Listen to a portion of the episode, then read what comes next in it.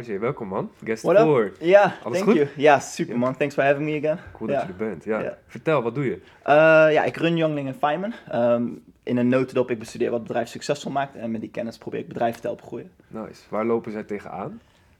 Waar lopen ze tegenaan? Ja, ehm, meestal eigenlijk twee dingen. Het implementeren van de basis. Dus er zijn een aantal basics die je gewoon geregeld moet hebben om een bedrijf gewoon goed te laten lopen. En het tweede waar ze tegenaan lopen is eh, een te wetenschappelijk perspectief over hoe je business moet runnen. Dus eh, te veel aandacht voor de cijfers en niet genoeg voor dingen die je niet met een logische verklaring kan verklaren.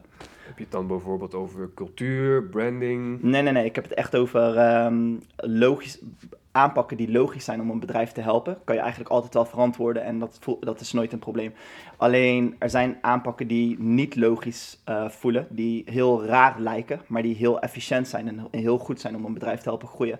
Maar die niet geïmplementeerd kunnen worden. Dus bijvoorbeeld als je kijkt naar eh, ehm, Rory Sutherland, praat wel eens over Rory Sutherland van eh, Ogilvy and Mather, in een van de grootste agencies in het gebied van creative advertising, noem maar op. hij ja. Ja, ja, hij praat wel eens over ehm, dingen die logisch zijn, dingen die niet logisch zijn, maar effectief zijn. En dan heeft hij het bijvoorbeeld over Coca-Cola en Red Bull. En dat als je kijkt naar attacks om Coca-Cola marktaandeel te stelen, Mhm. bijvoorbeeld Richard Branson of zo, die het had geprobeerd met een betere versie van Coca-Cola. Beter als in kwaliteit? Of... ja, ja, beter op, op het gebied van puur logische aspecten. Dus eh, misschien meer volume, eh, iets zoeter. Eh, in blinde taste tests, dat mensen het lekkerder vinden. Iets lagere prijs. Dat zijn allemaal dingen die je logisch kan verklaren. Die aspecten die maken het dus beter ook. Ja, Je zou denken van wel, inderdaad, ja. Want je doet eigenlijk exact hetzelfde, maar dan ietsje beter. Ja, en wat je vaak ziet in de praktijk is dat het gewoon niet een, eh, een distinction is voor users die sterk genoeg is om te justifyen om dat product te kopen over het originele product. dus het blijft Coca-Cola. Ja, Ja, zijn exactly. we gewend. Ja, ja, en in dit specifieke geval is het wel iets anders, omdat er zijn, wat, dit verhaal is iets eh, meer nuanced, omdat eh, Coca-Cola heeft echt een paar vieze dingen gedaan voor Richard Branson om Virgin Coke, eh, ook met eh, hoe, hoe, hoe ze in de winkels kwamen en zo, en Ja, ja. met schappen en zo, maar anyways. ehm, Ga ik eens naar kijken. Ja, een ja, het is wel interesting. Ze hebben wel echt een beetje gebruik gemaakt van hun, hun leverage, zeg maar. Maar het punt wat ik wilde maken is dat als je bijvoorbeeld kijkt naar Red Bull, ze hebben alles gedaan wat gewoon, wat gewoon totaal ehm, irrational lijkt op papier. Ik noem het counter logic, omdat irrational, wat irrational is, hangt af van je perspectief. Iets is alleen maar irrational eh, als je het met een bepaald perspectief benadert. Maar in een, vanuit een andere invalshoek, als je bijvoorbeeld kijkt van puur vanuit een natuurkundig perspectief, zeg je van dat is irrational gedrag. Mhm. Maar als je het kijkt vanuit een eh, evolutionair psychological perspectief, dan zeg je misschien van, oh, nou wordt het rationeel. Dus ik noem het zeg maar counter logic. Je hebt gewoon logic, dan het tegenovergestelde daarvan is counter logic en dan ga je kijken wat werkt. Maar Red Bull heeft bijvoorbeeld, ze hebben eh, een product geleverd wat duurder was dan Coca-Cola. Dat is al punt 1 waarvan mensen zeggen van, oh, je gaat concurreren met Coca-Cola en je maakt het duurder. That will never work. Zou je denken. Zou je denken, exactly. Ehm, ze hebben iets gemaakt waarin cafeïne zi- eh, zit. Niemand, ja, je hebt koffie. Waarom heb je nou een softdrank nodig met, met caffeine? Come on, this is, this is the dumbest thing I've ever heard. Eh, heel veel mensen vonden dat het vies smaakte in taste tests, waarbij ze zeiden van, niet eens van ik vind het niet lekker, maar waarbij ze zeiden van I wouldn't drink this piss if you paid me to. dus allemaal, super, allemaal echt super irrational als je erover nadenkt. Hun hele marketingstrategie was echt super wazig. Met ehm, eh, branding en influencers en mensen in de sportindustrie. eh, Voetbalteams overnemen. Ja. en Formule 1 teams. een hele rare manier van branding. Ze hebben echt een soort eh guerrilla- guerrilla-style branding approach gebruikt eigenlijk. Dat totaal eh, ja, eigenlijk onbekend was voordat Red Bull deed. Maar op papier, als je naar al die dingen kijkt, dan zeg je van it doesn't make sense at all. That will never work. En het werkte dus wel. Precies. Dus het, Fast forward een paar jaar. Ja, ja dus het, het durven nemen van risico's, het durven nemen van ehm, um, experimenteren, met- het experimenteren met dingen die op het eerste gezicht niet logisch lijken. En dan gewoon de realiteit laten, we, eh, eh, laten vertellen of het wel of niet werkt. Juist. Eh, dat is een van de dingen waar ik bedrijven mee help. Omdat er is een bias naar dingen die logisch zijn. En it makes sense, want je moet je brood verdienen. Dus je, hebt, je geld is gelimiteerd. Het is niet Tuurlijk. Ja, je kan niet blijven experimenteren. Exactly, exactly. Dus wat je ziet is dat als je moet kiezen tussen A en B, dan gaan mensen voor A omdat het logischer is. En ze denken van oké, ik denk dat ik hier een ROI voor ga krijgen, dus laat me kiezen voor A. En het probleem daarmee is, is dat iedereen dat doet. Dus het is super crowded. Dus als je kijkt naar, ehm, eh, we hadden het eerder voordat de, de camera aandeden, hadden we het over eh, weightlifting of whatever. Ehm, ik heb het wel eens, ik heb een essay geschreven over eh, anti-network effects, network effects, neutral network effects, anti-network effects. Echt in, in, een, in een super korte notendop. Als mensen meer willen over weten, kunnen ze die essay lezen. Maar Cool man, Eh, in de link. ja, is goed. Eh, net- network effects eh, was, is een term die in het leven is geroepen door iemand die had gekeken naar het werk van Bob Meltcalf. Hij was de founder van Ethernet. Dus wat je in je computer hebt, een netwerk met die Ethernet poort. En dan kan je computers met elkaar koppelen. Het hele idee van network effects is dat de waarde van een netwerk exponentieel stijgt naarmate je meer users krijgt. Dus als je vijf computers hebt, dan kan je mm, vijf computers met elkaar connecten allemaal. Precies. Dus de waarde van het netwerk volgens die, ehm, eh, die hypothese dan zeg maar is eh 5 squared, 5 keer 5. Omdat Juist. elk computer kan met elke andere computer praten. Precies. Ik weet by the way niet waarom ze altijd zeggen van n kwadraat. Omdat het is eigenlijk niet 5, eh 5 kwadraat, want je gaat niet met jezelf praten. Dus Toch? el- Nee. Ja, dus elke computer kan met vier anderen praten, niet met vijf. Klopt. Dus het is eigenlijk n keer n min 1, maar whatever. Ehm, anyways, het, idee van, eh, van network effects is dus de waarde van een netwerk stijgt exponentieel, terwijl eh, het aantal users dat je toevoegt lineair stijgt. Dus ehm, bij Facebook, dat soort dingen, weet je wel, voor elke extra user stijgt de waarde van je netwerk exponentieel. Het tegenovergestelde van een anti-network effect, eh, van een network effect, sorry, zou je denken van oké, er zijn geen network effects. Mhm. Maar dat is niet het tegenovergestelde. Wanneer zijn er geen net network effects? Ik, ik, ik noem dat neutral network effects. Puur om gewoon eh, een juxtaposition te kunnen creëren tussen eh, network effect en anti-network effects. Als er geen network effects zijn, dan heb je het over weightlifting. En nu kom ik dus bij het punt wat ik wilde maken. Als ik met dumbbells ga trainen en ik heb een trainingsschema en het helpt mij voor hypertrofie, eh, spiermassa opbouwen. Als ik mijn exacte schema aan jou geef, het, het doet mij niks af. Dus het maakt helemaal niks uit of ik dat met jou deel. Nou, business is precies het tegenovergestelde. Dus als ik een approach heb, a.k.a. net als hoe Red Bull het had aangepakt, dan eh, loop je het risico dat je directe concurrentie krijgt van mensen die diezelfde approach eh, hanteren. Copy-pasten. Ja, exactly. Dus in business heb je dus wel anti-network effects. En doordat je anti-network effects hebt, a.k.a. hoe meer mensen iets implementeren, hoe meer users een bepaalde approach hanteren, hoe minder efficiënt hij wordt. Dus de, de, dus de, de, de, de value ervan eh, daalt exponentieel naarmate meer mensen het gaan implementeren. En daardoor heb je problemen in, in veel industrieën waarbij je eigenlijk gewoon een commodity bent. En dat is het probleem wat ik, wat ik vaak zie bij bedrijven. ehm, eh, naast het probleem wat ik als eerste noemde, met gewoon de basics op orde hebben. Eh, dat ze daar geen rekening mee houden met de anti-network effects in business. Dus dan doen ze wat iedereen doet. En Mm. ja, dan word je een Want commodity. werkt, dus laten we dat ook maar doen. Ja. Dan word je 13 in een dozijn. Ja, Exactly, absoluut. exactly. En, en wat we al zeiden, bij eh, weightlifting of zo is dat geen probleem. Maar in business is dat een heel groot probleem.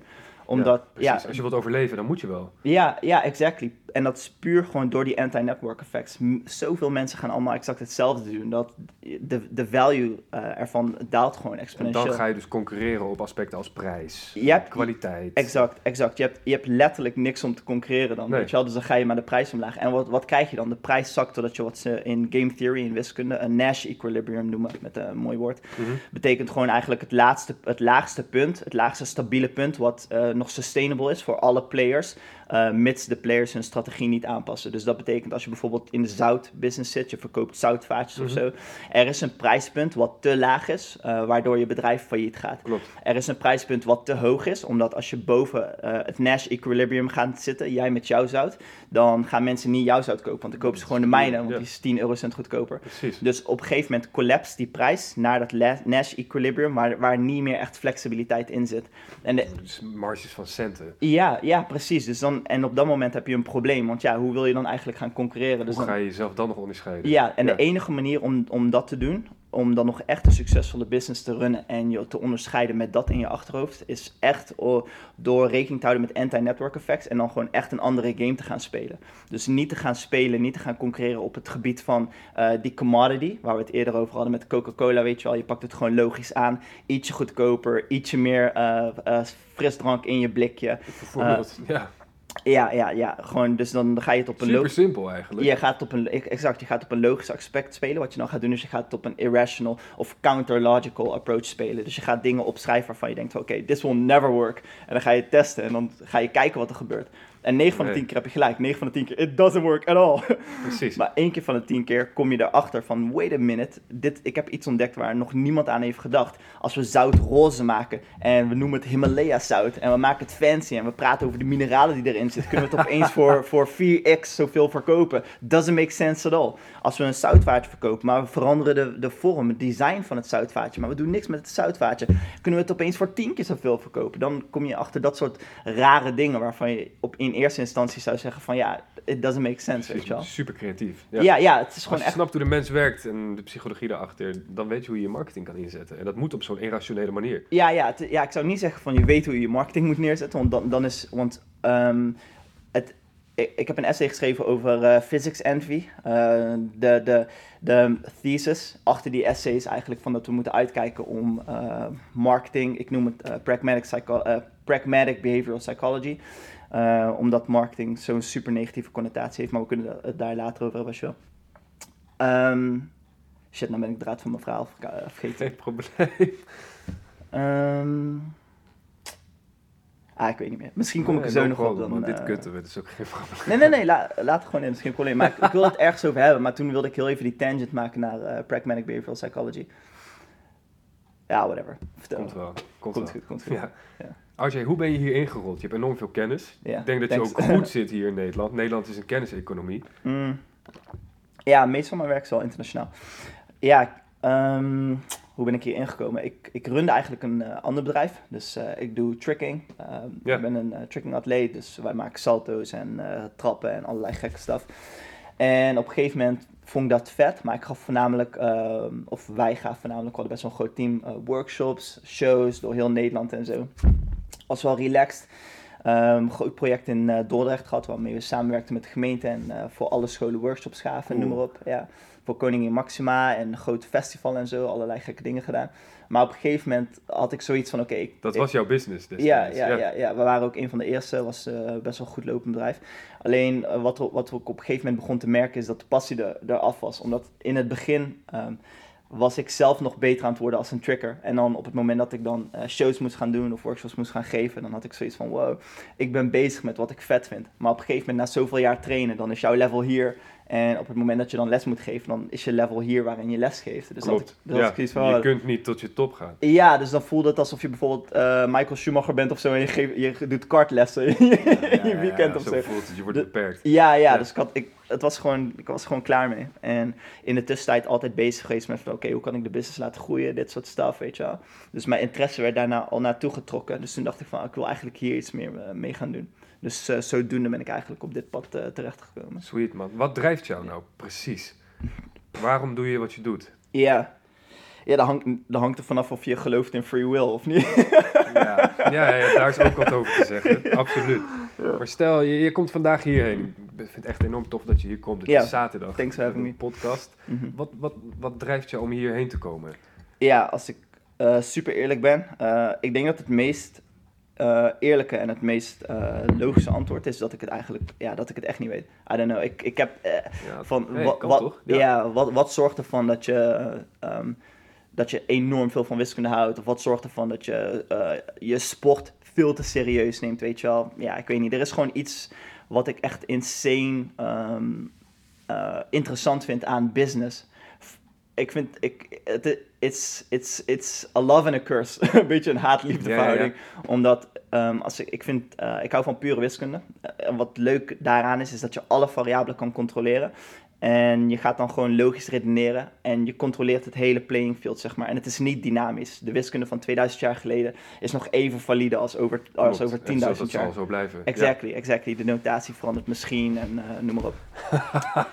maar, eh, ja, maar bij business is dat totaal niet zo. Je kan, we hadden het al voordat, volgens mij hadden we het hier, eh, of in het begin van de podcast over, of, oh nee, het was net ervoor dat we het eh, aan hadden, hadden we het over dat business dynamisch is en dat dingen die, ehm, die, de enige dingen die waar zijn en waar blijven, zijn super trivial. Dus eh, van, ja, maak een product wat mensen cool vinden. Weet je wel, dat verkoopt beter dan een product wat mensen haten. Ja, oké. Thanks. Makes sense. ja, super insightful. Wauw. Maar echt, ehm, ja, andere dingen waarvan je denkt van, oh, dat is echt een goede approach, weet je wel. Dat is een goede approach. Maar door die anti-network effects waar we het eerder over hadden, dat blijft een goede approach. Totdat genoeg mensen die approach eh, adapten. Dus dat is ook een van de problemen die je ziet met eh, eh, het moment dat mensen white papers releasen of dit is eigenlijk een probleem met het educatiesysteem. Omdat als je door uh, traditionele educatie gaat, je hebt je basisschool, je middelbare school, je vervolgonderwijs, misschien nog een bachelor, master, noem maar op. Tegen de tijd dat je daarmee klaar bent, ben je onbewust uh, geïndoctrineerd. Niet door kwade bedoelingen, maar puur gewoon door, door, door het feit dat je door dat traject bent gegaan. Ja. Heb je het idee dat als je iets moet doen, dan moet er eerst een soort. Um, uh, uh, een soort tekstboek of iets zijn wat beschrijft hoe je dat proces moet aanpakken. Ik bedoel, je gaat niet naar school en je professor zegt tegen jou van oké, dit en dit is wat we vandaag gaan doen. Ik heb geen flauw idee hoe we het gaan aanpakken. Let's go, we, we komen er samen wel uit. Nee, nee. hij, hij, weet exact wat er gaat gebeuren. Net als een trein. Hij zegt dit is station A, dit is station B. We stappen in de trein en we gaan gewoon langs alle stations. Maar in, in business kan Dit dat... is wat er kan en kan gebeuren. Exactly, exactly. En, we, en we, gaan, we gaan bijna op een excursie. En ik ben, uh, ik ben uh, de excursieleider. En Ja. ik, ik, ik heb een zwaard en ik ga door de jungle hakken. En ik weet precies hoe, Je houdt en rekening wat. met alle mogelijke factoren. Ja, ja. en, en in business, als je, als je dus biased bent door je educatieachtergrond, zonder dat je het in de gaten hebt, dan ga je dus wachten op dat moment. Alleen het probleem is, dat moment gaat er komen, maar pas nadat voldoende mensen het hebben bewezen. Want eerst moet iemand die trail blazen, dus eerst moet iemand dat pad ontdekken. Dan moeten voldoende mensen het adopteren. Dan moeten mensen die content eromheen gaan releasen van hoe die approach werkt. En dan moeten voldoende mensen het gaan eh, adopteren. En als jij dan komt van oké, het is nou helemaal bewezen en we weten precies hoe bijvoorbeeld eh, ehm, content marketing in de zin van we schrijven een blog en mensen komen en ze gaan naar een landing page Mm. en we hebben een Ja, opt-in form en een e-mail en bla bla bla. En je gaat, runt heel die traditionele approach van een funnel approach. Op dat moment wordt dat al zo enorm veel gebruikt door iedereen dat de effectiviteit ervan gewoon virtually nul is. Dit is waarom dingen als banner ads niet meer werken, waarom dingen als e- eh, e-mail marketing, de, de, de, de conver- conversion naar eh, eh, iemand die ergens op klikt, naar iemand die iets koopt, daalt van 50% naar, naar 2%, 1% of zo, weet je wel. Het is gewoon puur door dit soort dingen. Hoe lang je er- ermee wacht en hoe meer je wilt eh, dat een bepaalde approach helemaal bewezen is, van A tot Z, hoe minder effectief die wordt. Dus, dus er is eigenlijk een, een soort asymmetrical risk-reward hier. Hoe meer eh, risico je neemt in het begin en dingen durft te proberen die super irrational lijken of counterlogical, ehm, waar, waarvoor die, die niemand nog doet, eh, waarvoor je eigenlijk ook niet echt een logische verklaring hebt, daar, daar zit juist echt de upside De winst. in vaak. Ja. ja. De mogelijke winst, potentiële winst. High risk, high reward. Ja, ja, zo werkt het. En ik denk dat veel ondernemers daarmee eens zijn. Die hebben dat echt wel ontdekt dat het zo werkt. I don't know about all that. Nee, niet? Nee? Nee, ja, ik weet niet man. Ik denk echt dat we nog echt in een cultuur zitten van de industriële evolutie. Dus echt kleine optimalisaties en Maar zo. in die transitie inmiddels wel, toch? I don't know man. Ik denk echt dat er weinig mensen zijn die echt risico's. Ik denk dat er heel veel eh, talk the talk is, maar weinig walk the walk. Het is één ding om te praten van ja man, we moeten anders zijn. Think outside the box. Maar het is iets anders als iemand in jouw team met een idee komt wat super dom is, weet je wel. En it fails om dan, die, om dan de ballen te hebben om te zeggen van you know what, We tried. Good try, good try. Het werkte niet, weet je wel, maar het had kunnen werken. Het is super. Het is super makkelijk om dan te gaan zeggen, om dan je eh, eh, reasoning te gaan gebruiken om te zeggen van, ja, de- zie je wel, ik wist het wel, dat was echt een super dom idee. Ehm, waar we het net over hadden, dat de founders biased zijn, de employees zijn een order of magnitude nog meer biased. En de reden waarom is, als founder kan je niet ontslagen worden, tenzij je een board hebt of whatever. Precies. Maar als je een, Dan een moet je het ook echt goed fout doen, inderdaad. ja, ja, ja. En, en by the way, dan, dan, dat is ook vaak de reden dat eh, bedrijven post-IPO hun imagination verliezen. Omdat je dan dingen naar je board en naar je shareholders Absoluut, moet kunnen verklaren. Absoluut, een hele andere fase. Ja, eh, dus bijna, de, de, de ondernemers die daar scheid aan hebben, ik kan ze op één hand tellen. Je hebt eh, Elon Musk, die super wazige staf doet, zoals stenen verkopen. Van eh, de Boring Company. Flamethrowers, inderdaad. Dat is, en kijk hoeveel shit hij daarvoor krijgt, by the way. Bizar, hè? Ja, maar en kijk de keerzijde. Kijk, kijk welke brands hebben zo'n tribe als, als eh, Tesla's, ehm, als Elon Musk's companies? Ik kan er zo niet één bedenken. Heel Wie is, de, wie is de CEO van Mitsubishi? wie is de CEO van Heineken? We hebben hier Heineken. Ja. Weet je wel? Dus, dus, dus vanuit een logisch perspectief, weet je wel, als je echt zo'n, eh, ik wil niet ehm, denigrerend zijn of zo, maar als je echt zo'n square, square peg bent, weet je wel, en het is echt gewoon zo van, dit is hoe het allemaal moet en dit is hoe het allemaal logisch is en dit is wat ik heb geleerd op school en zo, weet je wel, dan hou je daar niet van. Maar kijk, results zijn results. En we kunnen, we, kunnen nou een hele conversation gaan hebben over, over de, de financials van Tesla en whatever. Of van de rest van de companies van Elon Musk. Maar uh, then, we're, then we're missing the forest uh, through the trees, weet je wel. Waar we, waar we naar moeten kijken is heel eventjes gewoon kijk naar die loyaliteit van die tribe die hij heeft opgebouwd. En hoe, hoe value dat is.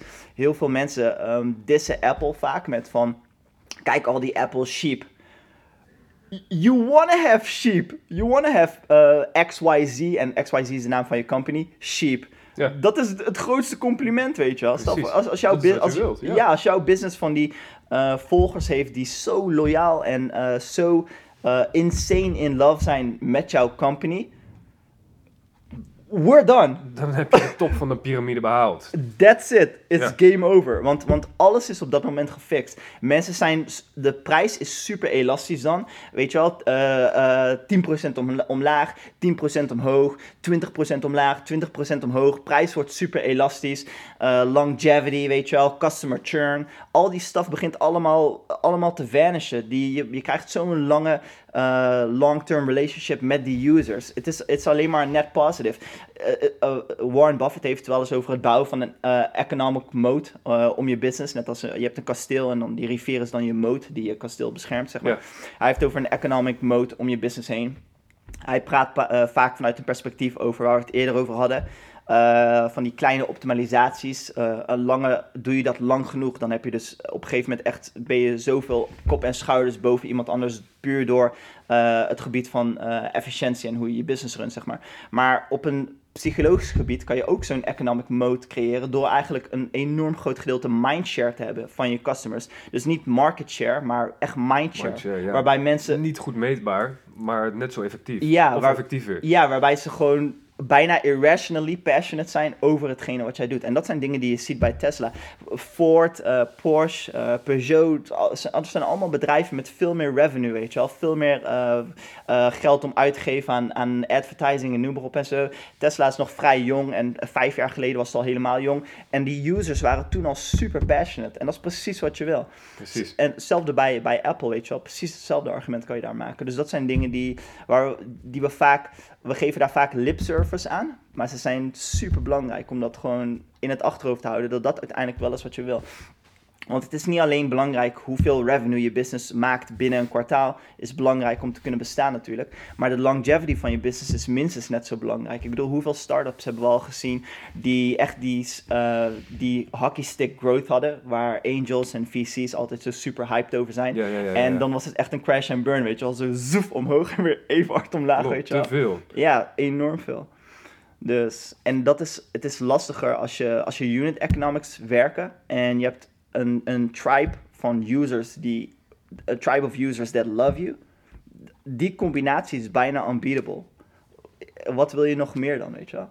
Ja, ik denk dat je groter... Ik heb hier echt niks op tegen in Helemaal Oké, okay, nou. Arjen, wat vind je van... Um, hier ben ik zelf wel... Uh, hier, wel hier ben ik zelf aan nieuwsgierig naar business models op business models. Je hebt natuurlijk shop in shop. Maar je ziet nu ook een Alexa opkomen, hm. Alexa Ads. Hm. WhatsApp is een businessmodel. Er zijn een andere, ander bedrijf dat start WhatsApp-advertenties. Hoe, hoe zie jij dat? Wat, wat, wat, wat is precies je vraag? Stel, um, je hebt een, een, ontwikkelaar die heeft, uh, die heeft WhatsApp ontwikkeld. Iemand anders die ziet, hey, dit is een businessmodel dat werkt. Hier kan ik een businessmodel op maken. Ik ga WhatsApp advertenties ga ik verkopen. Dat wordt oh, mijn zo. businessmodel. Oh, zo. Ja. Ja, en, en uh, wil je weten wat ik daarvan vind aan de, uh, ja, vanuit hoe, hoe zie jij de toekomst daarin? Daar ben ik benieuwd naar, want ik zie het steeds meer opkomen. Ja. Op Google, hoeveel mensen hebben wel niet SEO als ja, functie ja, of als baan? Dat is alleen maar omdat Google zo gigantisch groot is geworden. Ja, ja, je, op dat moment moet je een onderscheiding gaan maken tussen wat voor soort bedrijven aan het runnen zijn. Als je een small business bent, dan, uh,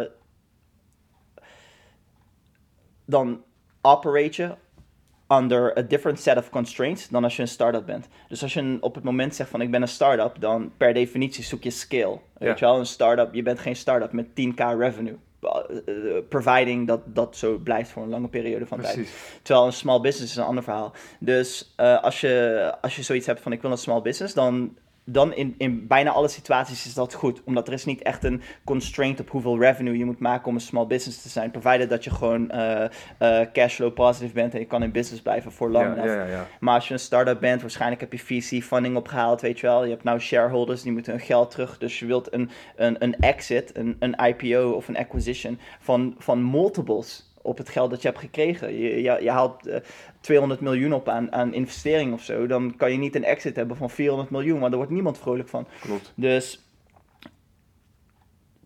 dus op het moment dat we het hebben over een small business, uh, wat ik net zei, dat de set of constraint is different.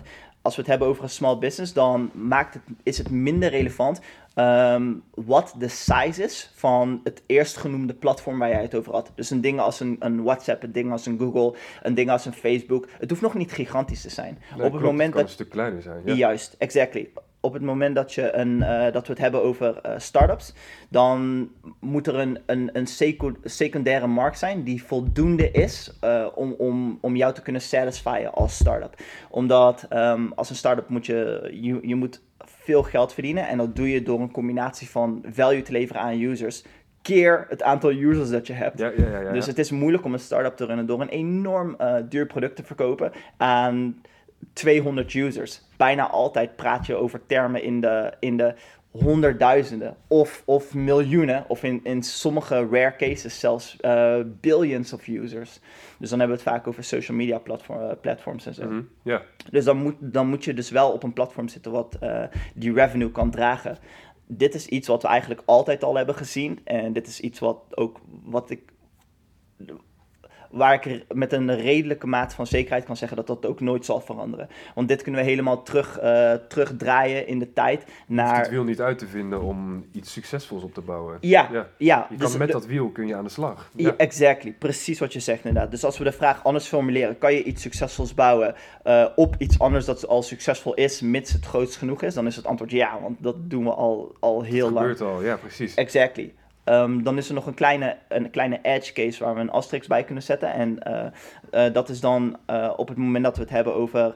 Um, ga je echt een business maken die puur afhankelijk is van, van die, dat, ene, dat ene bedrijf, zeg maar. Dus ga je bijvoorbeeld, je had het over een, een uh, je had het net over SEO-services op uh, Google en zo. Dan praten we meer over de term van small business. Maar stel voor dat je bijvoorbeeld uh, kijkt naar een Amazon of zo. Amazon heeft heel erg hard geleund op Google in de early days. Tuurlijk. Om eigenlijk al hun traffic naar hun site te krijgen. Stel voor dat je bezig bent met het bouwen van iets wat Google ziet als een bedreiging. Stel voor je bouwt een, bijvoorbeeld een, iets wat een, een goede concurrent zou kunnen zijn van een search engine. En je ja. gebruikt Google voor traffic om users van Google naar, jou, naar jouw concurrent van een search engine te krijgen, zeg maar. Kijk, dan moet je rekening mee houden dat ze daar een stokje voor zouden kunnen steken. Dus dan, ja, dat dan... gebeurt ook wel achter de schermen. Ja, maar op dat moment, op dat moment ben je eigenlijk niet meer uh, een subset binnen die grote set. Dus we hebben dan de set Google en jij bent een kleine subset erin. Dan praten we eigenlijk over, je hebt een set en jij vormt een nieuwe set. En uiteindelijk hoop je dan dat jouw nieuwe set die eerste set vervangt. Dus een beetje een, uh, een Netflix die niet zijn business heeft gebouwd op Blockbuster, maar meer um, een, een, een alternatief van Blockbuster of een volgende stap in de evaluatie heeft gebouwd op Blockbuster, die uiteindelijk Blockbuster heeft vervangen. Juist. Dus ja, dat is dan de kleine edge cases waar je een distinction in moet maken. Maar dan hangt er echt vanaf over, of we over uh, small businesses praten of over startups, zeg maar. Dat verschilt. Sweet man. Ja. RJ, we hebben het uh, kort gehad over Gary Vee. Hij is bullish over LinkedIn. Zijn boek mm. staat hier precies in het midden. Ja. Kijk er regelmatig in. Ja. Proberen zijn dingen ook wat toe te passen. Ja, LinkedIn voor ons als B2B service provider werkt echt super goed. Jij bent minder bullish, begrijp ik. Ja, wacht even voor de duidelijkheid. Kijkt uh, Gary hier nou? Of, uh... ja, ik hoop het. Soon, man, soon. Everything the man says is amazing. GV, I love you. Iedereen die van, van GV houdt, I love you too. nee, ja. Um, ik... ik um, Oké, okay, op het moment dat we... Dat, Wacht, oké, laten we beginnen met wetenschap. Wat is wetenschap? Richard Feynman heeft ooit een definitie gegeven waarbij hij zei van wetenschap in essence is alleen maar een strategie om onzin van um, dingen die, die om slechte ideeën van goede ideeën te onderscheiden. Dat is wat wetenschap is. Een mechanisme om te onderscheiden wat is een slecht idee, wat is een goed idee. Want voordat we uh, de wetenschappelijke methode hadden ontdekt, hadden, de, hadden we niet echt een goed mechanisme daarvoor. Daarom werden mensen verbrand op, uh, op stapels als witches en zo. Oké, als je dus kijkt naar wetenschap, dan zodra iemand komt met een hypothese, en we hebben het niet over wiskunde waarbij je een wetenschappelijk bewijs kan vormen en je kan een fout vinden in het bewijs, maar we hebben het over dingen die minder tangible zijn dan wil je tegengeluiden horen. En een van de dingen die ik jammer vind is dat bij mensen zoals GV, dat ik nooit tegengeluiden hoor. Of in ieder geval veel te weinig. En nou, we hadden het dan bijvoorbeeld over LinkedIn. Nou, LinkedIn, toen Reed Hoffman uh, het begon, het is we hadden het hier al uh, over gehad voordat we. dit, dit, wordt echt de, de zin, de trademark zin van deze podcast. We hadden het hier al over, gehad. we hadden het hier al over gehad voordat we uh, gingen filmen. Maar um, een kleine, een kleine change aan het begin van je start-up kan zorgen voor uh, hele andere start-ups down the line. Dus uh, Twitter is, is, essentially Facebook, maar dan puur het, het, de status update genomen als middelpunt. Is niet helemaal waar, want Jack, Jack Dorsey en F. Williams waren begonnen vanuit audio en bla bla bla, whatever. Maar zo zou je het in essence kunnen zien. LinkedIn is eigenlijk begonnen puur vanuit uh, het idee van oké, we gaan er is ruimte voor een social network voor mensen in business vanuit het netwerk, net, networking pers perspective. Ik struikel een beetje soms over mijn woorden, omdat ik wil dan Engels praten in Nederlands. Ken ken ik ben gewend om het over in Engels te doen. Anyhow, um, als je dus kijkt dan naar LinkedIn, om, omdat, het, omdat het dus die cultuur, het heeft die, dat networking in zijn DNA zitten, is er een bepaalde uh, mate van um, schijnheiligheid, voor lack of a better word. Dus je kan niet echt authentiek zijn, omdat dat is... Probeer maar authentiek te zijn op een sollicitatiegesprek. Er, je moet een bepaalde image neerzetten als je op zoek bent naar een baan. Het is bijna een soort spelletje. Zij zijn op zoek naar iets. Uh, er zijn bepaalde hokjes die moeten worden geselecteerd op je cv en tijdens een, uh, tijdens een gesprek, weet je wel, ja. onder, onder, door. Het is niet, niet omdat mensen slecht zijn, maar het is ook gewoon pure mate van constraints en zo, weet je wel. Frames, uh, ja. Ja, maar dus dat gebeurt dan. En datzelfde zie je eigenlijk dan ook uh, uitvergroot in LinkedIn. Dus als je dan kijkt naar de comments uh, onder bepaalde uh, hypotheses die hij geeft, want dat is eigenlijk wat het is. Niemand, niemand, inclusief ik, weet waar ze het over hebben in dit gebied. Omdat het zo complex is. Het is bijna net als meteorology met het weer en zo. Het, er zijn zoveel unknown unknowns, zoveel verschillende variabelen, kleine butterfly effecten die roet in het eten kunnen gooien. Dus alles wat we met z'n allen aan het doen zijn, is hypotheses vormen. Alleen die hypotheses moeten dan wel worden aangevallen met tegenargumenten om te kijken of ze sterk genoeg zijn om ze te overleven. En dat vind ik jammer dat, ik niet, dat, dat je dat niet echt hoort. Je hoort geen tegen. Nee, het is een beetje dan allemaal zo van elkaars kont, kont kussen, weet je wel. Zo van, oh, je bent zo amazing. En dan gaat iemand op jou uh, commenten van, oh nee, you're even more amazing. Precies, het is ook om het algoritme te beïnvloeden natuurlijk. Ja, en ik snap het. veel mee. Exactly, en ik snap het allemaal wel. We doen met z'n allen een spelletje en zo. En dan nog, wat jij al zei, het algoritme een beetje beïnvloeden. Mensen gaan jou commenten, mensen gaan liken. Je krijgt wat meer volgers en dan is, groeit je awareness. wordt je bereik groter. Ja, ja. ja maar, maar groei je dan echt je audience? daarom heb ik sowieso al überhaupt... Die luistert je echt? Ja, daarom heb ik sowieso al echt een hekel aan het woord netwerken. Ik bedoel, wanneer netwerk je ooit, weet je wel? Gewoon netwerken is als je gewoon met, echt met vrienden echt een diepe connectie vormt. Alleen dan iets meer in de context van business, weet je wel. Maar heel dat idee van het bijna manipuleren van uh, interacties puur met uh, as a means to an end, weet je wel. Uh, vind ik een beetje shady. By the way, niet dat hij dat uh, ooit zegt of zo, even voor de duidelijkheid. Uh, want misschien dat mensen denken dat ik dat impliceer. Maar hij, dat is een van de dingen die hij altijd heel erg uh, actief pitcht. Dat ja, hij het echt tuurlijk. over kindness heeft en zo. En daar ben ik helemaal mee eens. Kindness, empathy. maar even terug over zijn hypothese dan van LinkedIn. En dat hij daar zo bullish over is. Op het moment dat um, duizenden mensen naar je content kijken moet je staf gaan caveaten. Dus je moet een, een caveat gaan toevoegen van oké, dit en dit is mijn hypothese onder deze constraints. 7 is deelbaar door 2. Ja, als je het hebt over, over uh, de reals, de, de getallen met comma's erin en uh, getallen die je uit kan drukken in breuken, getallen ja. die je niet uit kan drukken in breuken, zoals spy en whatever. Um, maar 7 is niet deelbaar door 2 als je het hebt over de natuurlijke getallen. 1, 2, 3, 4 tot en met oneindig. Want 3.5 zit niet in die set. Dus je moet een caveat gaan toevoegen waar je het over hebt. Op, op welk, net als dat bij natuurkunde, dat bijvoorbeeld uh, de laws of physics van uh, Newton, die, those laws break down under certain, uh, under certain circumstances. Dus die kan je niet gebruiken in bepaalde omstandigheden. Daarom hebben we general relativity, daarom hebben we special relativity, daarom hebben we quantum mechanics, omdat ze niet applicable zijn. Nou, dat moet je dus ook doen op het moment dat je een hypothese vormt. En hij heeft het dan bijvoorbeeld over LinkedIn. En ik ben super bullish over LinkedIn. En ik vind dat iedereen op LinkedIn moet zitten. Ja, ja maar het werkt voor iedereen. Exactly. And that's never the case. Want we hadden het hier al eerder over. Het, het enige, de enige situaties in business waarin iets altijd waar is en het is altijd waar onder every circumstance en het is altijd waar voor everyone, dan heb je het over extreem uh, trivial stuff. Dus dan praten we echt over ja, het voorbeeld wat ik al eerder zei, weet je wel. Make stuff someone loves is, is beter dan make something everybody hates. Oké, okay, gee, thank you. you. You're brilliant. it's, it's so trivial. Maar als we het hebben dan over LinkedIn, is LinkedIn, werkt het wel, werkt het niet? Ja, het antwoord is, het is boring, maar it depends. En hoe kom je er dan achter of het wel of niet werkt? Moeten we het dan rationeel gaan uitdenken? Nee, omdat het is veel meer als meteorology. Er zijn te veel unknown unknowns. Je weet niet precies welke variabelen uh, je niet weet.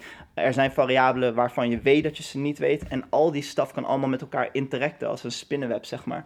Dus dat gooit roet in het eten. Dus het beste kan je dan zeggen van oké, wat verwacht ik? Je, net als in wetenschap, je stelt gewoon een hypothese op die, je kan, uh, die falsifiable is. Dus je zegt, dit is mijn approach, dit is mijn hypothese. Onder deze constraints verwacht ik dat dit de uitkomst uh, gaat worden. Dan run je je experiment en dan krijg je gewoon feedback. En aan de hand daarvan valideer je het. Maar dat blanket advice van, ja, LinkedIn werkt voor iedereen, ik ben sceptisch erover. En ja, door de constraints die ik net al heb opgenoemd, zoals de, de lack of authenticity en dan ook nog de business waar je in zit. Ik denk dat dat vooral een tegenargument is. Ja, ja en, en, en ook gewoon de industrie waar je in zit. Als je echt in de B2B zit, ja, is, is... absoluut. Voor ons, is, ik ben ook bullish. Ja, ja. dat is misschien omdat ik bevooroordeeld ben. Ja, ik denk dat dat ook een rol speelt bij hem. Want ik denk dat, kijk, hij, hij, zegt, ook, hij zegt ook, hij leest geen boeken, hij leest, hij leest sowieso geen research papers. Alles is uh, pragmatic, weet je wel. Actie analyseren, opnieuw toepassen. Ja, niet echt, niet eens, bijna niet eens echt analyseren. Hij praat voornamelijk vanuit zijn eigen perspectief. En dat soort mensen heb je nodig. Die kunnen, die kunnen één kant uh, het is net als geschiedenis. Op het moment dat je een, een, evenement in geschiedenis wil begrijpen, bijvoorbeeld de Tweede Wereldoorlog, dat is niet als wiskunde waarbij je bewust bent van alle variabelen. Dus hoe krijg je dan een goed beeld ervan? Door het vanuit meerdere perspectieven te bekijken. Vanuit iemand uh, vanuit de military strategy, vanuit iemand vanuit de economiekant, vanuit iemand in uh, public relations, vanuit, vanuit de enemy kant, vanuit de, good guys kant, zeg maar. En hoe meer je zo'n uh, eh, 360 perspectief krijgt, hoe beter een, een intuïtie en gevoel je kan krijgen over de realiteit. En dat is met dit soort dingen ook. Dus mensen zoals een Grant Cardone of een GV, dat zijn mensen die je nodig hebt. Maar je moet het ook van andere kanten kunnen bekijken om echt uiteindelijk een conclusie te kunnen trekken van oké, wat denk ik dat wel of niet voor mij gaat werken? En dan test je het en dan krijg je een resultaat. Zijn er mensen die tegengeluiden geven? Vast wel, maar ik zie ze te weinig, man. Ja. Sowieso, ja. Eh, dat heb je in. Kijk, mensen hebben gewoon op, vanuit een psycholo psychologie-perspectief, eh, evolutionair gezien, hebben we gewoon een, een hele sterke behoefte aan tribes. Tuurlijk, ja, dat zie je altijd en overal terug. Ja, yeah, exactly. En zo, de minder uh, wetenschappelijke manier om dat te formuleren is: you don't want to be seen as a dick. en dat is dus vaak wel het gevolg op het moment dat je een tegengeluid geeft. Zo kan het uh, ook wel proberen het beleefd te doen. En dat zie je overal, zelfs in Silicon Valley, waar ze zogenaamd de, de, de pinnacle of rationality zijn.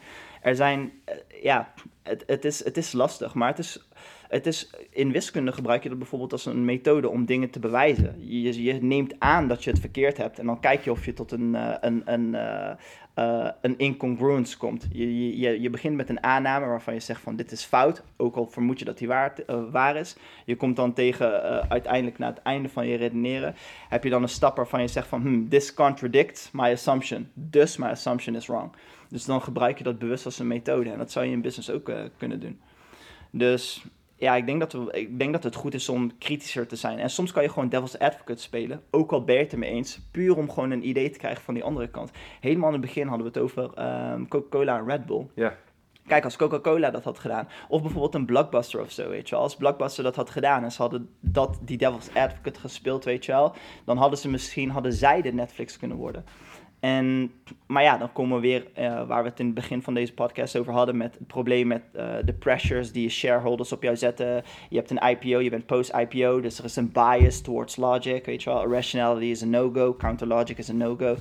Um, dus dan, krijg je eigenlijk een, een, een forcing function die jou optimaliseert in die kant van logic. En, en that's okay als je een bedrijf runt en je produceert widgets, waarbij je uh, een extra revenue kan krijgen door een soort Kaizen approach van elke dag 1% beter. Maar op het moment dat je uh, te maken hebt met dingen die minder tastbaar zijn, ja, dan werkt die approach niet. Omdat ja, als je een blockbuster hebt, maak het 1% beter, maak het 1% beter. Je, je komt via die 1% iteratie weg, waarschijnlijk niet van een blockbuster naar Netflix. Omdat het gewoon echt een radicaal andere approach is. Ja, ja, ja. ja. En, en ja, by the way, dat is ook de, inno de uh, innovatietheorie van uh, uh, professor Clay Christensen. Volgens mij heb je zijn boek hier, Cialdini. Cialdini. Oh, oké. Okay. Ja, ik dacht het misschien dat je hem had. Ja, nee, het is niet Cialdini. Het is Clay Christensen van Harvard. Hij heeft op een gegeven moment even kijken wanneer had hij die theorie geformuleerd. Volgens mij eind 90s of zo. De disruption, uh, zijn uh, theory of uh, disruption en innovation en zo. Wat houdt hij in, die theorie? Dat, dat op het moment dat je een bedrijf wil disrupten die in de markt zit, dat je het beste van de onderkant kan doen en dan wedge je dat bedrijf naar het plafond toe. Yeah. En dan op, het moment, op dat moment heeft het bedrijf die gaat dan proberen te concurreren en zijn face te redden, safe face, door nog een hoger segment van de markt in te pakken. Dus je duwt die persoon uit de markt ja, eigenlijk. Ja, ja, en dan kan hij niet meer omlaag. Dus je dwingt dan dat bedrijf om te kiezen tussen of innoveren uh, en het bedrijf op te offeren.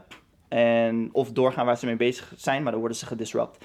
Dus je dwingt door, door onder in de markt in te komen en dan langzaam de middenmarkt te pakken en dan de bovenmarkt, uh, dwing je dat originele bedrijf, de incumbent, dwing je uit de markt doordat ze dan een slachtoffer worden van hun eigen business model. Dus als je bijvoorbeeld kijkt naar een Uber, uh, zij hebben de taxi-industrie uh, flink overhoop gehaald. Omdat als een taxi-industrie ben je op een gegeven moment de dupe van alle infrastructuur die je hebt. Ja. En die medallions die jou in het begin, we, hadden, we, hadden het, we hebben het gehad over Nash Equilibrium en zo. Na, een Nash Equilibrium werd beschermd in de taxi-industrie artificially doordat ze ta taxi medallions hadden omdat er is een limitatie van hoeveel taxis in een bepaalde stad mogen zijn. Mhm. Dus in New York of zo. Er zijn, zijn er een bepaald aantal medailles die worden vrijgegeven. Omdat anders komen er veel veel taxis. En dan wordt die prijs omlaag gedreven tot zo'n Nash equilibrium. Waar we het over hadden. Dus om die prijs uh, artificially in stand te houden. Hebben ze toen gezegd van oké, zoveel taxis mogen er zijn en that's it uiteindelijk heeft dus Uber ervoor gezorgd dat ze de dupe werden van die infrastructuur. Ja, ja, ja. Blockbuster heeft precies, uh, Netflix heeft precies hetzelfde gedaan met Blockbusters, omdat Netflix had geen winkels. Ze stuurden de. Iedereen kent nou Netflix als een streaming service. Maar ze zijn begonnen met uh, video's. Uh, video's of DVD's. Ik weet niet zeker of ze VHS hebben gedaan. Volgens mij was DVD's als eerst. Uh, zijn begonnen met dvd's te e-mailen, of uh, te e-mailen, te, via de postbus te zenden naar hun customers. Klopt. Om ervoor te zorgen dat ze niet meer naar een uh, blockbuster hoeven. En dan halen ze die dingen op, gaan ze thuis kijken en dan moeten ze het er terugbrengen. tussenuit, ja. Ja, exactly. Dus als je blockbusters bent en dat begint te lopen, dan ben je op een gegeven moment de dupe van alle winkels en zo die je al hebt gebouwd. Ja, ja, ja, ja. En wat is dan jouw logische antwoord? Als je puur denkt vanuit een, een rationeel perspectief, dan zeg je van, je gaat het proberen te rationaliseren. Van nee, maar mensen houden ervan om naar de winkels te gaan. Het werkt altijd al. Oh, ja, maar kijk, dan noem je nu weer iets wat echt super eh, gevaarlijk is. Als je kijkt... Dit is een gevaarlijke aanname. Ja, absoluut. juist, exactly. Want, want de data die je hebt, die klopt in retrospect. Dus de, alle data die je hebt, is, komt uit het verleden. Dus je, je maakt dan een conclusie op basis van data die je hebt uit het verleden. Maar dat neemt aan dat de toekomst exact hetzelfde gaat zijn als het verleden. En zolang dat waar Nooit is... zo blijkt te zijn. Ja, precies. Zolang dat waar is, dan is it's all good. Maar als dat dus niet waar is, dan ben je screwed. Dus dan heb je een situatie als een Nokia en een iPhone, waar Steve Ballmer, je kan op YouTube opzoeken, waarbij die eh, loopt, hun loopt uit te lachen van ja, de Ja, iPhone is ridiculous. Het het, is zo duur. Wie gaat zoveel geld uitgeven voor een iPhone? Dat is ridiculous. Ze hebben niet eens een toetsenbord. Ja, en ja, blijkt dan blijkbaar dat mensen dat wel willen. Innovatie is belangrijk, hè? Ja. Ja. Ja, zeker. Innovatie is belangrijk. Met, met een bepaald percentage van het budget van je business. Ik denk sowieso dat... Ik ben, ik ben niet met die lean... Iedereen is van lean dit, lean dat, lean startups, lean dit, Eric Ries en uh, whatever. En alles is Die lean. staat er wel tussen, Eric Ja. Ries, Ja, d- en die approach is goed, by the way. Het is een, een, een, goed, een heel goed framework. Het helpt mensen om, om eh, hun hypotheses te testen. Te realiseren dat je- een hypothese een hypothese is. So, let's test it. Weet je wel, laten we feedback krijgen. Kijken of het werkt. Dat is allemaal heel goed. Alleen het idee dat ehm, grote bedrijven, grote organisaties zelf moeten proberen te innoveren. Ja, ik ben heel sceptisch daarover. Ja, ik snap je, ik snap je. Hoe zie jij, eh, hoe zie jij 2020? Wat, wat gaat het ja, Nokia wel beter doen? Of Ja. denk je dat ze helemaal out of business eh, Mm. raken in de toekomst? Moeten ze de markt penetreren? Moeten ze de markt ontwikkelen? Ja, ik ben niet echt een fan van voorspellen, man. Er zijn, wat ik al zei, er zijn zoveel, er zijn zoveel variabelen waarvan, waarvan je weet dat je ze niet weet. Er zijn zoveel variabelen die, waarvan je niet eens weet dat je ze niet eens weet. Dus je weet niet eens dat ze bestaan. Ik ben sceptisch over mensen die praten over de toekomst. Ik weet het niet. Er zijn bepaalde triviale dingen waarvan, waarvan we kunnen zeggen dat ze altijd waar zullen zijn. Maar het is heel moeilijk om te voorspellen. ehm, welke invalshoek gaat leiden tot disruption. En, en sterker nog, het beste bewijs dat ik hiervoor kan geven, is het feit dat de meeste founders het zelf niet eens weten. Welke startups, er is een bepaalde illusie die de, de media zorgt eh, ervoor dat wij, dat, dat wij daarin geloven. En dat is de illusie dat je vanaf dag één opeens wakker wordt en jij zo van...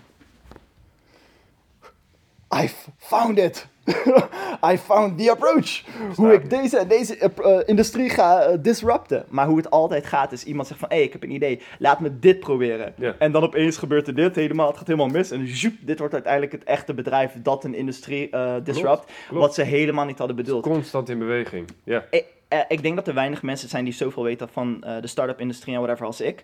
En ik kan, een- ik kan niet eens eh, twee handen vol, eh, niet eens één hand vol bedenken van situaties waarbij een founder was begonnen met een plan en die heeft het gewoon geëxecute en nu is die start-up dan succesvol. Het is altijd zo dilly-dallying en zigzagging en dan op een gegeven moment kom je op een bepaalde destination. Kijk naar Andrew Mason met, eh, met Groupon. Hij had eerst The Point. The Point was totaal anders. Het hele idee was, hij had een, een cellphone bill. Eh, die die eh, cellphone provider was een beetje shady. Hij had zoiets van, oh man, ik wil eigenlijk die rekening niet betalen, maar ik heb geen leverage. Ik ben één persoon. Wat nou als we mm, 50 personen hadden of zo? En dan konden we een beetje peer pressure op die eh, company zetten. Omdat dan puur vanuit een economisch perspectief het goedkoper is om on- ons onze zin te geven. Dus de point was dan een, een sociaal ehm, eh, project waarbij mensen een bepaald project konden aanmaken op de point. Juist. En als genoeg mensen dan joinden, dan zouden ze dat project gaan uitvoeren, zeg maar. Maar het was super breed en het werkte allemaal niet. En Niet iedereen had hetzelfde probleem. Ja. er waren heel veel verschillende projecten. Het was niet helemaal duidelijk wat precies de point nou was en zo. Maar één klein aspect daarvan werkte wel. Dat was dat mensen met een hele grote groep eh, bijvoorbeeld pizza wilden gaan kopen bij een pizzeria of zo. En die, die founder, of ik moet zeggen dan die, eh, die entrepreneur, dat is niet echt de founder als we praten over de distinction between startups en small business, maar Ja, whatever ja, ja. Die entrepreneur van die pizza joint, die had zoiets van, nou, ik vind dat wel cool. Ik krijg 50 mensen, weet je wel. Oké, dan kan ik daar rekening mee houden. Ik kan inkopen doen, whatever. Juist. Voor mij is het goedkoop. eh, voor mij is het eh, eh, efficiënt. Ik krijg misschien nog mensen die hier niet eerder zijn geweest, et cetera. Voor die customers is het ook cool, want je krijgt nou een groep een discount, omdat je met een grote groep bent. Dus dit kleine stukje werkte. En dat is uiteindelijk uitgegroeid tot Groupon. Mede doordat ze eigenlijk, they were running out of money. En toen hadden ze zoiets van, oké, laten we als experiment even snel een Word... Last resort misschien zelfs. Ja, eh, nee, maar dat is letterlijk wat het was. Want Andrew Mason kon kiezen tussen het geld teruggeven of dit snel gewoon uit zijn... De, de, de, de rectal extraction method eh, gebruiken. Om het te proberen en kijken wat er gebeurt. En ja, wonder boven wonder werkt het. Dus, en dit is niet... Het, het rare ervan is, hoe meer je hierin verdiept, hoe meer je leert dat dit, dit is niet de exception. Dit is hoe het altijd gaat. Iedereen begint zo. Ook eh Apurva Meta van... eh, damn, hoe heet die nou? Die... eh, net als dat we hier een beetje picknick hebben, zoiets. Alleen zij, zij hebben het meer met een Uber business model gedaan. Eh, Nee, nee, nee, nee. Kan je bo- Deliveroo is UK. Kunnen ze boodschappen doen en zo. Eh, Instacart. Oh, ja. Instacart, Ap- Apurva Meta. Dat was zijn twintigste start-up of zo. Hij, hij was bezig met een social, eh, social media netwerk voor eh, advocaten en zo, weet je wel, dat soort stuff. De founders van Reddit wilden, hun, hun eer- originele idee was My Mobile Menu. Wilden ze zorgen dat je eten kon bestellen en whatever via je telefoon en zo. Een soort thuisbezorgd-achtig. Goed idee. Veel te vroeg, was geloof ik 2004 of zo. Ehm, ja, zoveel. Zo, Google. Google was niet eens de bedoeling om Google te zijn, weet je wel. Het was een PhD-project van Sergey Brin en Larry. Wat is Google over een jaar? Het is, Ja, het is crazy. Eh, Facebook. Facebook begon met die, die hele hot or not thingy. En uiteindelijk had Mark zoiets van... Oh, laat me een project maken dat mensen kunnen kijken van... eh, of, of we bij elkaar... eh, eh, eh, welke mensen in welke klas zitten en zo. Eh, hij had een bepaald programmaatje gemaakt dat... ehm, eh, mensen vragen konden toevoegen eh, voor, eh, voor een bepaalde... eh, volgens mij was het art of zoiets. Over een schilderij, schilderij en zo. En dan konden mensen een verhaaltje typen en dan konden mensen dat gebruiken en zo. En al, dat, al die kleine projectjes zorgden ervoor uiteindelijk dat hij tot die hypothese kwam van, hmm, laat, me, laat me die, uh, die Facebook die bestaat in de, in de echte wereld, laat me die digitaal maken. Misschien is dat wel cool, gewoon een aantal profiles van users niet eens een newsfeed, gewoon alleen een kleine project en that took off, weet je wel. Dus het is, al die stuff is bijna altijd accidental. Dus daarom, je kan dit bijna niet voorspellen. Geen voorspellingen dus van Nee, want, want, en dat is ook, by the way, we hebben het hier in het begin over gehad met counter logic en dat je moet uitkijken om niet te logisch te zijn. Dit is dus ook nog een limitatie van te logisch zijn. Want heel vaak zeggen mensen van, dit is een dom idee, ik ga hier niet in investeren, want this will never work ten eerste, je weet, niet of, je weet niet of dat waar is. Omdat we hebben bij Red Bull hebben we al gezien dat domme ideeën kunnen werken. Maar ten tweede, ook al heb je 100% gelijk en je hypothese waarom het niet gaat werken klopt helemaal, dan weet je nog steeds niet tot welk inzicht dat gaat leiden voor die founder. Want Twitter is geboren uit audio. En dat was, met, dat was een soort uh, search engine voor podcasts. En dat werkte allemaal niet. En toen kwamen Biz Stone en Noah, Noah Glass en uh, Jack Dorsey en whatever. Die kwamen toen op het idee van uh, Twitter als een soort side project. Wat ze intern konden gebruiken had je dan willen investeren in audio? Of in het team dat, uh, dat audio had gecreëerd? Ja, achteraf gezien, ja, obviously, weet je wel. maar als je het puur vanuit een rationeel perspectief uh, zou benaderen, dan zou je misschien hebben gezegd als je heel slim was van ja, audio will never work om deze en deze en deze redenen. Dus dan, dan heb je gelijk gehad, maar dan zou je alsnog verliezen, ook al had je gelijk. En iemand anders die het verkeerd had, die kan misschien dan winnen, ook al had hij het verkeerd. Dus als je kijkt naar uh, een van de meest bekende uh, angel investors in Silicon Valley, Ron Conway, hij is een beetje de OG daar. Hij, dit is een van de redenen waarom zijn main thesis is van um, uh, wij van SV Angels investeren in people, not in ideas. Omdat hij begrijpt dit proces van oké, het idee, het is te moeilijk om in te schatten welk idee wel gaat werken en niet te werken. En ook al zou je weten wat wel en niet gaat werken, dan nog steeds uh, zou het kunnen dat iets niet werkt, maar dat geeft die entrepreneur een inzicht om tot iets anders te komen wat wel werkt. Dus ja, dat is mijn uh, two cents van waarom ik niet, niet geloof in voorspellingen. Sweet man, 2020. ik moet zeggen 5 cents, want dat was best wel een lange rant. Laten we daarmee afsluiten. Thanks man, dankjewel. Ja, my pleasure man.